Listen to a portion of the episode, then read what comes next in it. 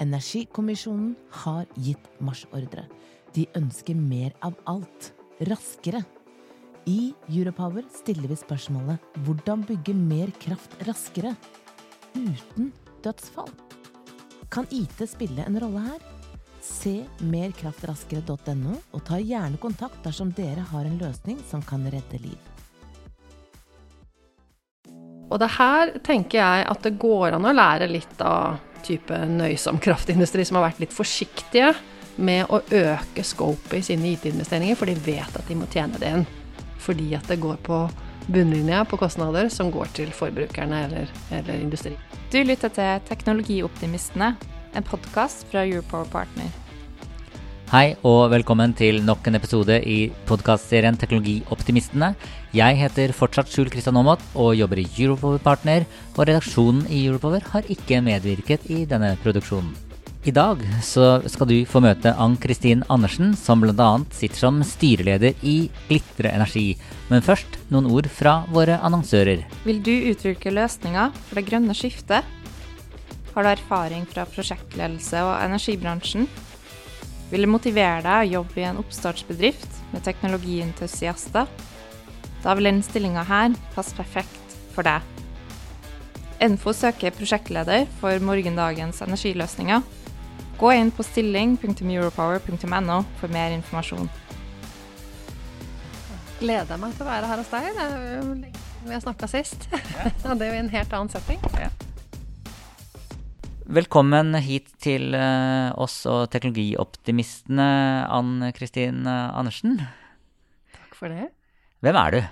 Ja, det, jeg hørte på forrige podkast at det var et mer eksistensielt spørsmål.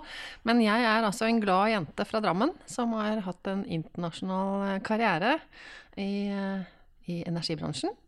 Men som nå får lov å drive med litt av hvert av det jeg syns er gøy.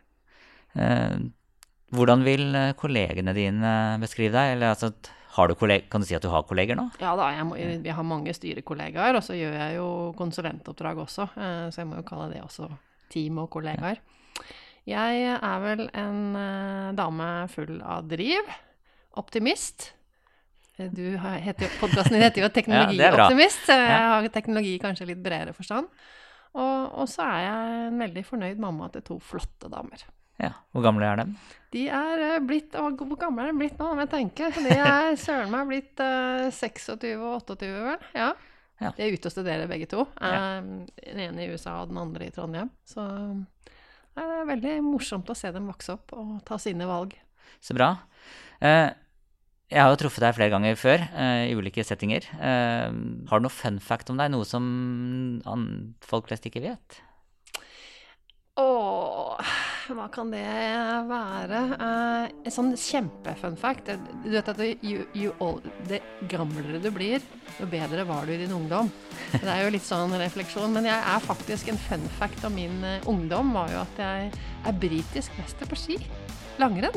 Britisk? ja. Hvordan skjedde det? Nei, eh, det skjedde ved den eh, enkle grunn at eh, jeg var jo halvgod i Norge, men nivået er jo så høyt i Norge så når jeg studerte i eh, Storbritannia, så fikk jeg lov å være med i åpne britiske mesterskap. Eh, og da viser det seg at eh, halvgode skiløpere i Norge er, var best i, i, Storbritannia på den tida. Går du mye på ski nå? Jeg prøver å gjøre det. Jeg syns det er veldig det er en stor glede å få lov å gå langrenn. Går du Birken og sånt? Jeg, jeg, jeg, jeg, har gjort det, men nå koser jeg meg bare. Nei, jeg, jeg, har gått Birken et par ganger. Eller, og trikset der er jo å smøre klister oppå skia, for da de som tråkker deg på skia, de får dårlig glid. ja, det er blitt veldig competitive. Jeg synes det var Birk, Birken. Akkurat Birken syns jeg ikke var så morsom å gå, for det var så mye alvor. Ja. Nei, det jeg Jeg går med, jeg går med pulk, jeg. Det. Ja. ja. uh, du har en lang karriere bak deg. Uh, ulike lederposisjoner. Og så er du nå uh, tredd ut av den operative rollen og litt mer styreressurs og investor. Mm. Hvorfor valgte du å ta den svingen? Nei, jeg har hatt en fantastisk eh, reise i olje og gass, og jobba jo i Teknip FMC i veldig mange år. Eh, men Teknip FMC er jo et internasjonalt selskap med mye reising. Og, og jeg kom etter hvert så høyt i hierarkiet at eh, de store jobbene var egentlig ikke i Norge lenger. Og så kom jeg til at eh, det, jeg, jeg syns det var veldig fint å kunne sove i min egen seng. Rett og slett lei eh, reising? Ja, og så trodde jeg at jeg skulle gå rett fra en jobb i Teknip FMC og inn i en, en norsk bedrift. Det, det skjedde ikke, så da, da tok eh, veien en annen, eh, en annen retning, og så ble det en styreportefølje og, og, og et konsulentselskap isteden. Savner du eh, til tider det operative? Altså det å jobbe i en bedrift og ikke ved siden av? Jeg, jeg har jo gjort såpass mye skade, selvskading da, at jeg har gått inn i en del oppstartsselskaper. og da får man litt kjenne på den pulsen det er å jobbe operativt. Så jeg opplever ikke at jeg har gitt helt slipp på det operative. Men, eh, men jeg savner jo kollegaer i, i den bransjen jeg har tredd ut av. Så sitter du i styret i flere ulike selskap. Eh, Hvor, eh, hvordan er grensesnittet mellom det å sitte i styret og, og konsernledelsen? Altså, hva Er det ofte at man trår over de grensene? Eh, Jeg begynte jo med min styrekarriere mens jeg var operativ. eh, Og jeg vil jo si at de første vervene jeg hadde, eh, da måtte jeg lære det der å trekke meg vekk fra det operative. Du blir veldig sånn løsningsorientert når du sitter i det operative selv. Og på et styrenivå så skal man jo ha mer enn en, Man skal se at det er kontroll i selskapet. Man skal gjøre en del sånne type kvalitetssikringer av selskapet. Men i, i det viktigste ansvaret i styret er jo strategisk. Og da må jeg si at det, det, tok, det tok noen år å forstå forskjellen mellom det å sitte i konsernledelse og, og i et styre. Man har, man, Hender det at du må holde deg fast når du egentlig har lyst til å gå inn? Ja, det, det gjør det. Og det, det har nok med, en, med, med litt personlighet å gjøre òg. Men jeg, jeg, jeg har jo lært dette bedre med åra, vil jeg si. Jeg har jo nå mer enn 20 års eh, erfaring som, som styremedlem. Uh, hva er de viktigste egenskapene en konsernsjef eh, må ha i et energiselskap? Så, eh, du sitter jo i, i styret, eller styreleder annet i Glitre Energi. Ja, det er et eh, stort, eh, det er et stort spørsmål. Eh, jeg, jeg har jo fått lov å følge Glitre Energi gjennom mange år, og som styreleder de siste par åra. Og jeg vil si at eh, det er, eh, det er ganske stor forskjell på når jeg begynte eh, i styret i et energiselskap, og, der vi er nå. Det skjer enormt mye i kraftbransjen. og og jeg tenker at når jeg gikk inn i kraftbransjen for en stund tilbake, så var det noe mer Jeg vet ikke om jeg skal bruke ordet traust, men litt mer sånn forutsigbart. Men uh, det var på en måte Man skulle gjøre litt det samme som man gjorde i går. Man skulle kanskje konsolidere, uh, prøve å få til uh, vekst gjennom å konsolidere, men, men i stor grad fortsette som vanlig. nå så vil jeg si at det grønne skiftet, som har fått den enorme farten, og det som skjer på teknologisida, og denne bransjeglidningen da, som egentlig skjer, det gjør at i dag så må man være mye mer dynamisk, eh, også som konsernsjef. Må man, eh, må man ha erfaring fra tech altså fra, for å kunne være konsernsjef i et eh, energiselskap nå? Ja, da, da, da antar jeg at du sier tech som i å ha forståelse for teknologi, IT. eh, det kan jo være andre teknologier også. Um, man må i hvert fall um, vite en del om at det fins muligheter i teknologi i dag som ikke fantes bare for eh, fem år siden. Det er ikke så lenge siden IT, for å bruke det begrepet, da, eh, var sett på Det var jo på en måte en effektivisering av administrative oppgaver. Eh, Etter hvert så kom det litt mer inn planleggingssystemer, type ERP-systemer. Men det ble sett på som en kostnad, en, ja, en nødvendig kostnad, men en kostnad. Gjerne ofte under en CFO. eh, Og, så hadde man varierende bølger av outsourcing, insourcing. Det var liksom det største som skjedde i forhold til styresamtalen på IT.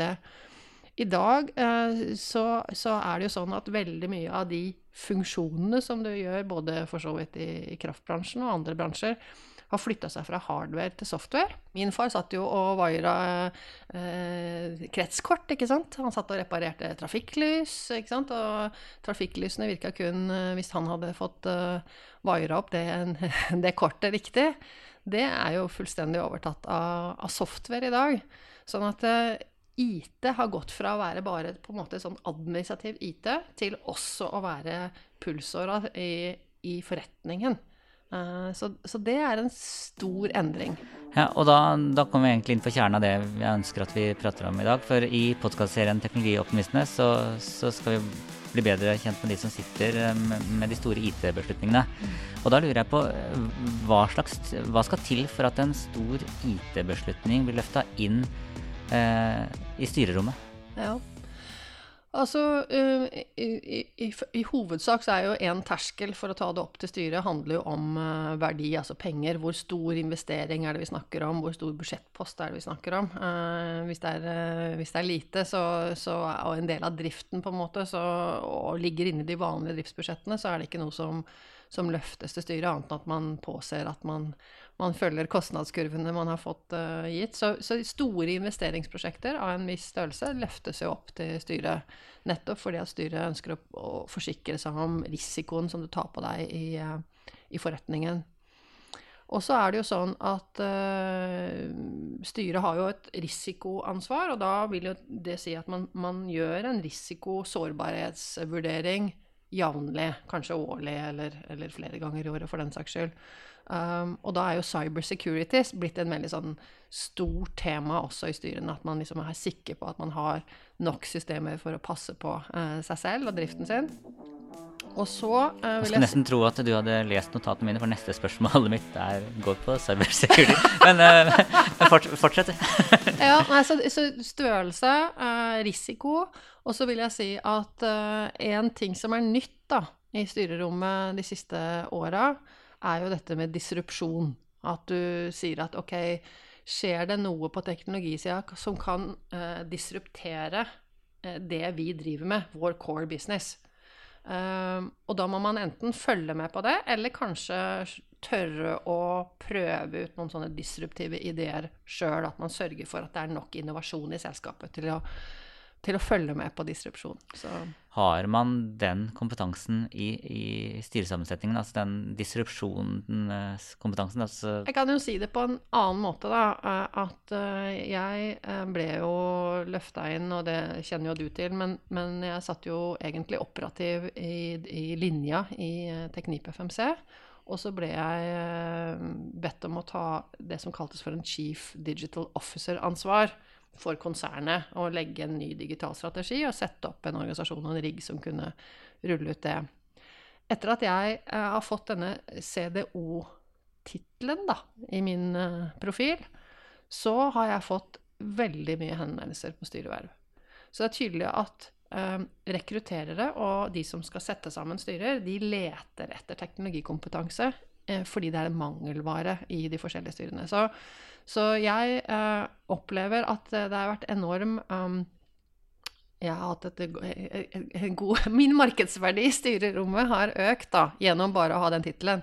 Um, det, det, jeg kan si, er at jeg, jeg tror ikke nødvendigvis at, at det er en, um, en mangel på, på, teknologikompetanse der ute, og at styrene som sådan ofte har godt oppsatte styrer.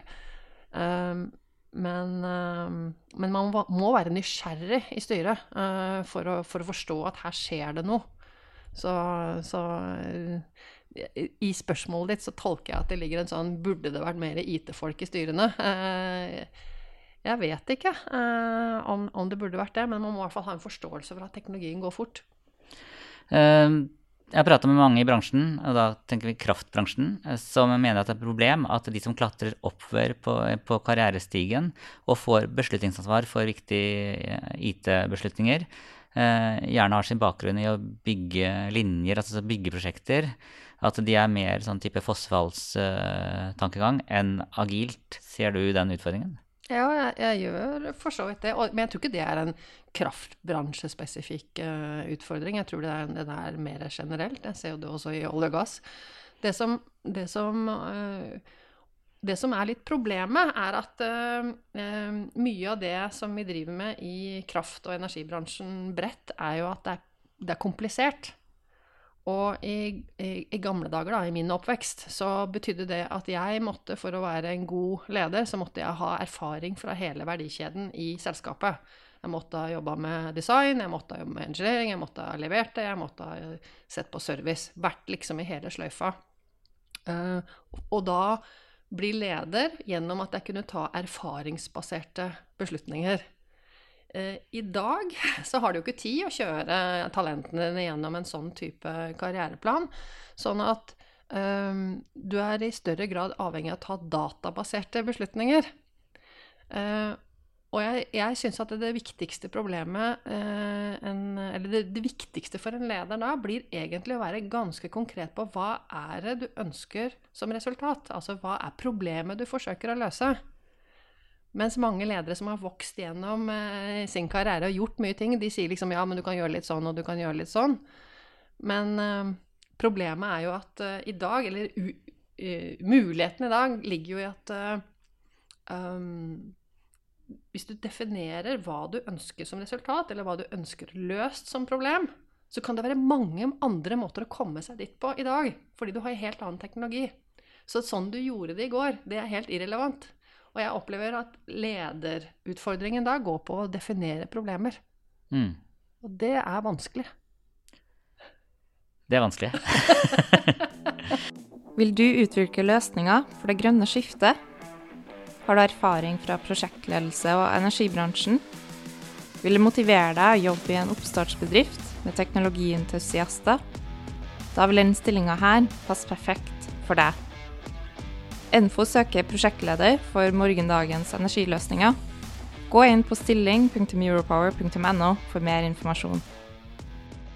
Med din bakgrunn, eh, hvilke forskjeller ser du eh, på IT-prosjekter og byggeprosjekter? Altså, um, hva skal jeg si Byggeprosjekter har jo ofte et veldig konkret problem du skal løse. Du skal bygge et hus, eller du skal bygge et uh, Ocean Space Center, for den saks skyld. uh, og det kan variere Der kan politikerne vingle litt. der kan vingle litt. Nei, men det har jo noe med scope defini Altså definisjonen av hva du skal bygge, da. Det er litt enklere når du har et konkret bygg. Eh, når du skal løse, gjøre større IT-investering, eh, type i helse, andre steder, kraftbransjen, så, så hender det at du, du, du, begynner reisen din med å si det er dette jeg skal løse. Dette er det jeg må løse med IT-systemet vårt. Og så, etter hvert som eh, du begynner å løse det med leverandørene dine, så sier du ok, men hvis jeg legger på litt til, så kan jeg løse problemer i framtida innenfor det mulighetsrommet. Jeg vet ikke helt hvordan de problemene ser ut, men, men det er smart å ha litt eh, fleksibilitet i framtiden. Og sånn eh, skjer ofte disse inkrementelle forandringene i IT-systemene. At du skal gjøre, gjøre mulighetene der framme som du ikke helt vet hva er, og så bygger, så eser dette IT-prosjektet ditt ut. Og ofte når det kommer da til styret, for det er jo det som ofte skjer, da, at når det kommer til styrerommet da, som jeg sitter i, og jeg sitter i et selskap nå som har et, eh, et kjempestort IT-prosjekt som har, eh, har, eh, grown arms and legs, som vi kaller det. Um, det har blitt veldig, veldig stort. Så handler det om at man, man, man gir seg sjøl for mye fleksibilitet og mister litt fokus på det opprinnelig man skulle løse. Og jeg tenker at uh, det er der uh, den største forskjellen er, at du, du har mye mer uh, uforutsigbarhet i hvilke problemer du løser. fordi du prøver å ta høyde for problemer som kommer i framtida, som du ikke veit hva er ennå. Og, og det her tenker jeg at det går an å lære litt av type nøysom kraftindustri som har vært litt forsiktige med å øke scopet i sine IT-investeringer, for de vet at de må tjene det inn. Fordi at det går på bunnlinja på kostnader som går til forbrukerne eller, eller, industrien og personer som meg og deg, da, som bruker strøm. Så, så være litt forsiktig med, med å øke eh, mulighetsrommet i IT-løsningene. Eh, fordi at framover så vil det jo bli mye mer å åpne grensen sitt. Så det går an å gjøre bolt-on seinere. Så det man egentlig bør gjøre, er vel da å åpne for eh, at uh, de smarte hodene som gründerselskaper, alt mulig kan plugge seg på, men at man har en god, trygg uh, kjerneplattform. Ja, jeg tror det. det er man, og dette er jo lett å si, selvfølgelig, men, men, det, men, det, er det der å Med en gang du begynner å snakke om ja, men vi må ha denne funksjonaliteten fordi det kan komme, da bør det røde flagget gå opp og si 'hallo, er vi helt sikre på dette'? Kan vi ikke bare løse det vi skal løse først, og så kan vi komme tilbake igjen til mulighetsrommet? Etterpå. Og da kommer Ann-Kristin Andersen inn og, og stiller kontrollspørsmålene. ja, og derfor nytter det ikke å liksom sette av gårde et stort IT-prosjekt og si 'ser deg når du er ferdig'. Du må ta inn teamet i styrerommet en gang iblant, bare for å liksom høre åssen det går. Mm. For da får du fort følelsen av ja, så, du, så det er ikke kun konsernsjefen som rapporterer, du har inn uh... Ofte så er sånne type Som jeg sier, hvis du først når terskelen å komme inn i styret for beslutning, så ønsker vi å se mer enn konsernsjefen i øynene. Vi ønsker å se prosjektleder, eller hva det måtte være. Den divisjonsansvarlige i øya si åssen går det. Og gode administrasjoner tar med seg de riktige menneskene inn foran styret. Da vet vi at de må forberede seg, hvis du sitter ved det bordet. ja, i hvert fall. Og så gjelder det å holde seg i skinnet og ikke være for operativ i spørsmålsstillingen, men stille åpne spørsmål. Ja, det er vanskelig nok. Det er vanskelig. det foregår en prosess eh, for en fusjon sammenslåing mellom Glitre Energi og Agder Energi. Uh, og så googla jeg litt på nettsider, og da står det styrene i Glitterenergi og Agder Energi, uh, der du er en del av dette, da, anbefaler å fusjonere de to selskapene. Målet er å skape et kraftsenter for utvikling av ren energi og grønne arbeidsplasser. Hvor står denne prosessen nå? Uh, her har jo både styret i Agder Energi og styret i Glitter Energi gått inn for dette, som du er inne på. Og så har vi gitt alt beslutningsunderlaget til våre eiere. Og eh, hvis jeg snakker for Glitre Energi først, så er det sånn at eh, vi har to eh, eierkonstellasjoner. Det er Drammen kommune, og det er Vardar. Vardar er jo gamle Buskerud fylkeskommune. Ehm, så i Drammen så har man sagt ja, dette tror vi er en god idé. I Vardar styre har man sagt ja, men så er det eierne til Vardar som skal ha en generalforsamling i, mot slutten av august, begynnelsen av september hvor de tar endelig stilling. I, I, Agder så er jo dette sendt tilbake igjen til uh, alle de eierkommunene som ligger uh, bak uh, Agder Energi. Der er også Statkraft. Statkraft har sagt ja. Og Agder-kommunene er i ferd med å gå gjennom sine prosesser gjennom sommeren. Så jeg tipper at vi i september så vil vi vite om dette går i orden eller ikke. Det blir spennende. Ja, det er kjempespennende. Jeg hadde tidligere Jon Andreas Pretorius, IT-direktør i Elvia, nettselskapet Elvia, eh, på besøk i denne podkasten. Og han, han, fortalte at da de slo sammen Eidsivanett og Hafslundnett, så eh, scrappa de eh, gammelt IT-system, og så bygger de alt på nytt. Mm. Eh, Istedenfor å bygge et lappteppe. Eh, I hvilken grad har IT-systemer blitt løfta inn som et diskusjonstema i fusjonsprosessene? Eller i styret? Eh, det har vært inne eh, i evalueringer av synergier.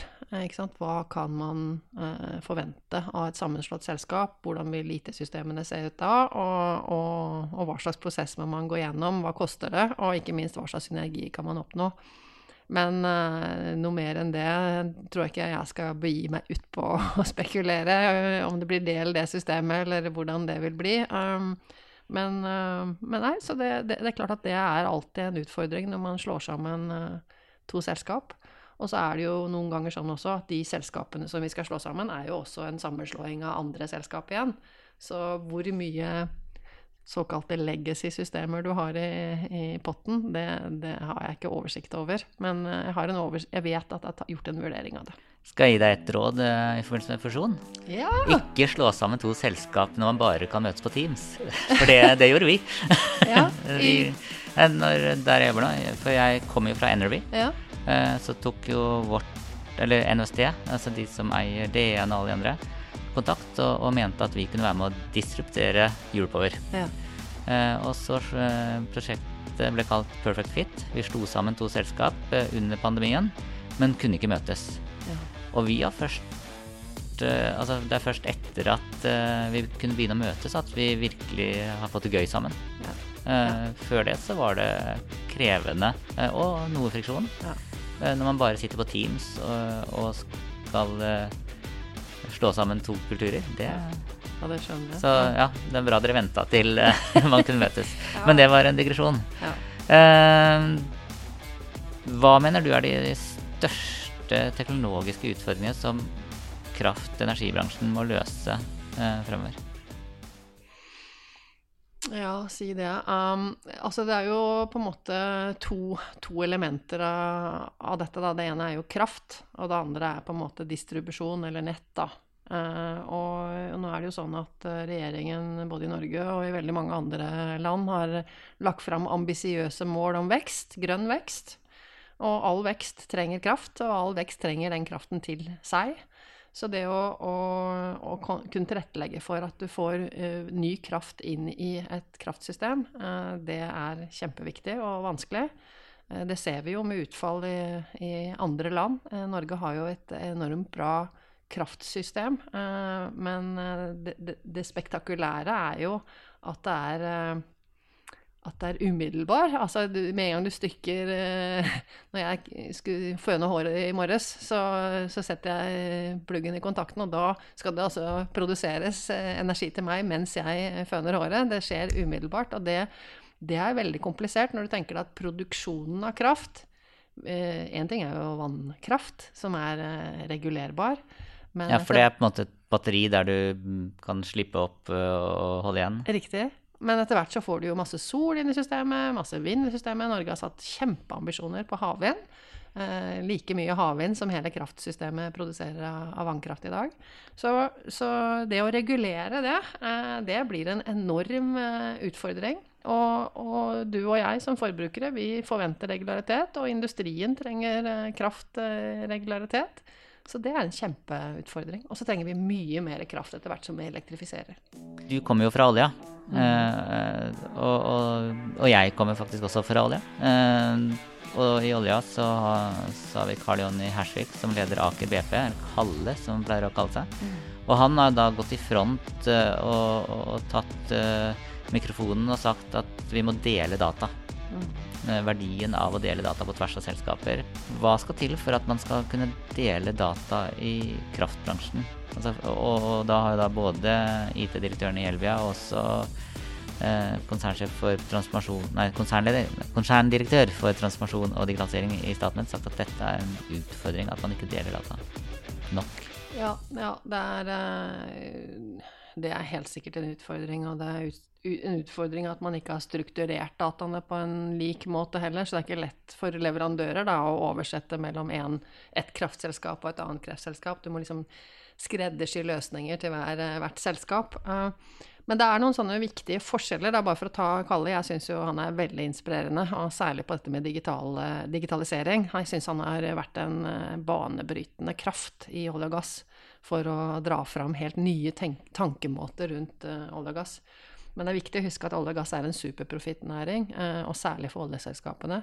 Og, og har gunstige fradragsregler også på investeringer i innovasjon.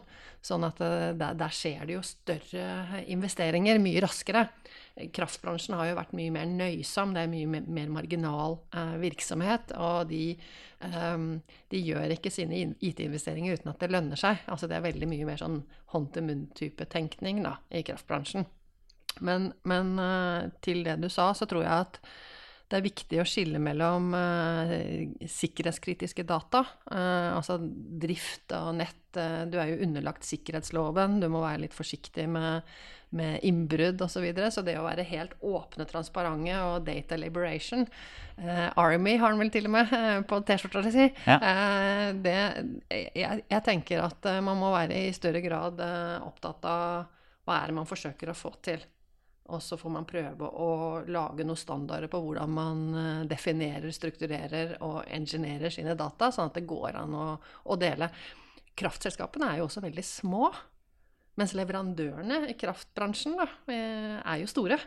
Så, så det er jo liksom det å være relevant for de store, samtidig som du sørger for et økosystem av, av små leverandører. Så Så har du sagt litt om hva som skiller eh, olja og kraft. Altså, altså det er mye mer penger i olja. Eh, Hva mer skiller Altså, du har vært i begge leirer. Altså, kraftbransjen er jo offentlig eid, eh, så det er på en måte en, en, en dimensjon av det. Det er liksom fellesskapet, samfunnsansvaret.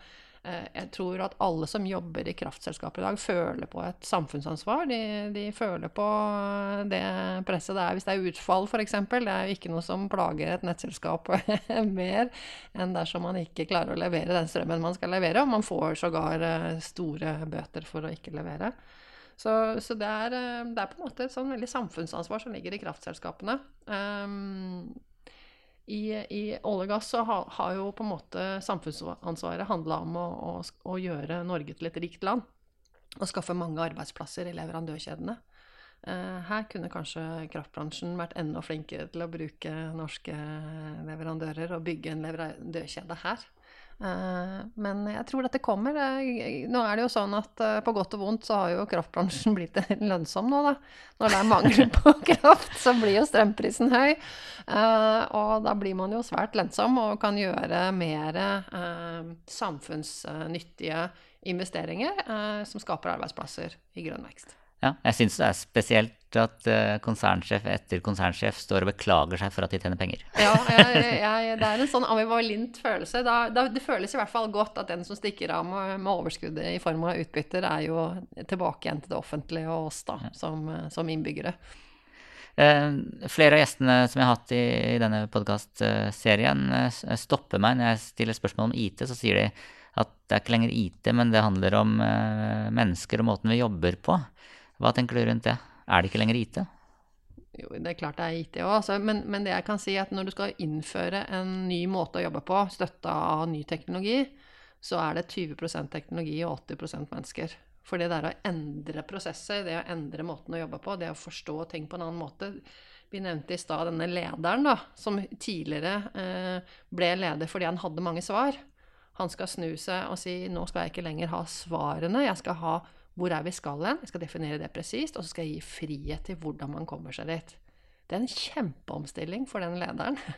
å snu seg fra å si 'gjør sånn, gjør sånn, gjør sånn', til Vet du hva, det jeg skal ha til her, det er sånn. Jeg skal ha den oppetiden på det kraftverket. Sånn og sånn. Løs det. Med teknologi. Her er budsjettet. Så det, det, er en helt annen måte å jobbe på. Det tar mye lengre tid enn det tar å kjøpe et IT-system. Hva er ditt uh, personlige mål, mål, som styreleder og, eller styremedlem? Nei, jeg håper jo at, uh, at, jeg klarer å holde meg relevant, sånn at jeg kan dele, dele min erfaring. Sette, stille gode spørsmål til administrasjonen gjennom konsernsjef og ledelse for øvrig. At jeg klarer å sette de riktige temaene på agendaen. Og så håper jeg at jeg kan uh, være med å sette litt uh, store, hårete mål for framtida til den bedriften jeg er engasjert i. Så, så er jeg uh, Jeg er fra Drammen, vet du, så jeg er veldig ærlig og rett på. ja. I forrige podkastepisode så var vi hos Beate Sander Krogstad, konserndirektør for transformasjon og digitalisering i Statnett. Og hun hadde et spørsmål til Ann Kristin.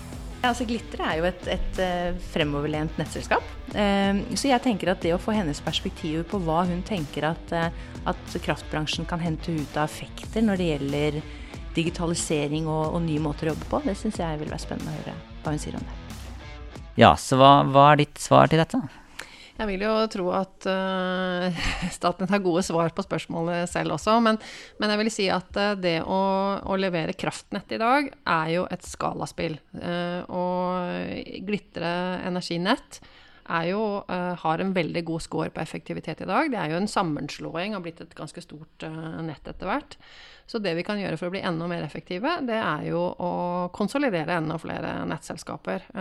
Det er det er vondt og vanskelig, men eh, det er klart at eh, det er, det er et skalaspill å gjøre et effektivt eh, nettsystem.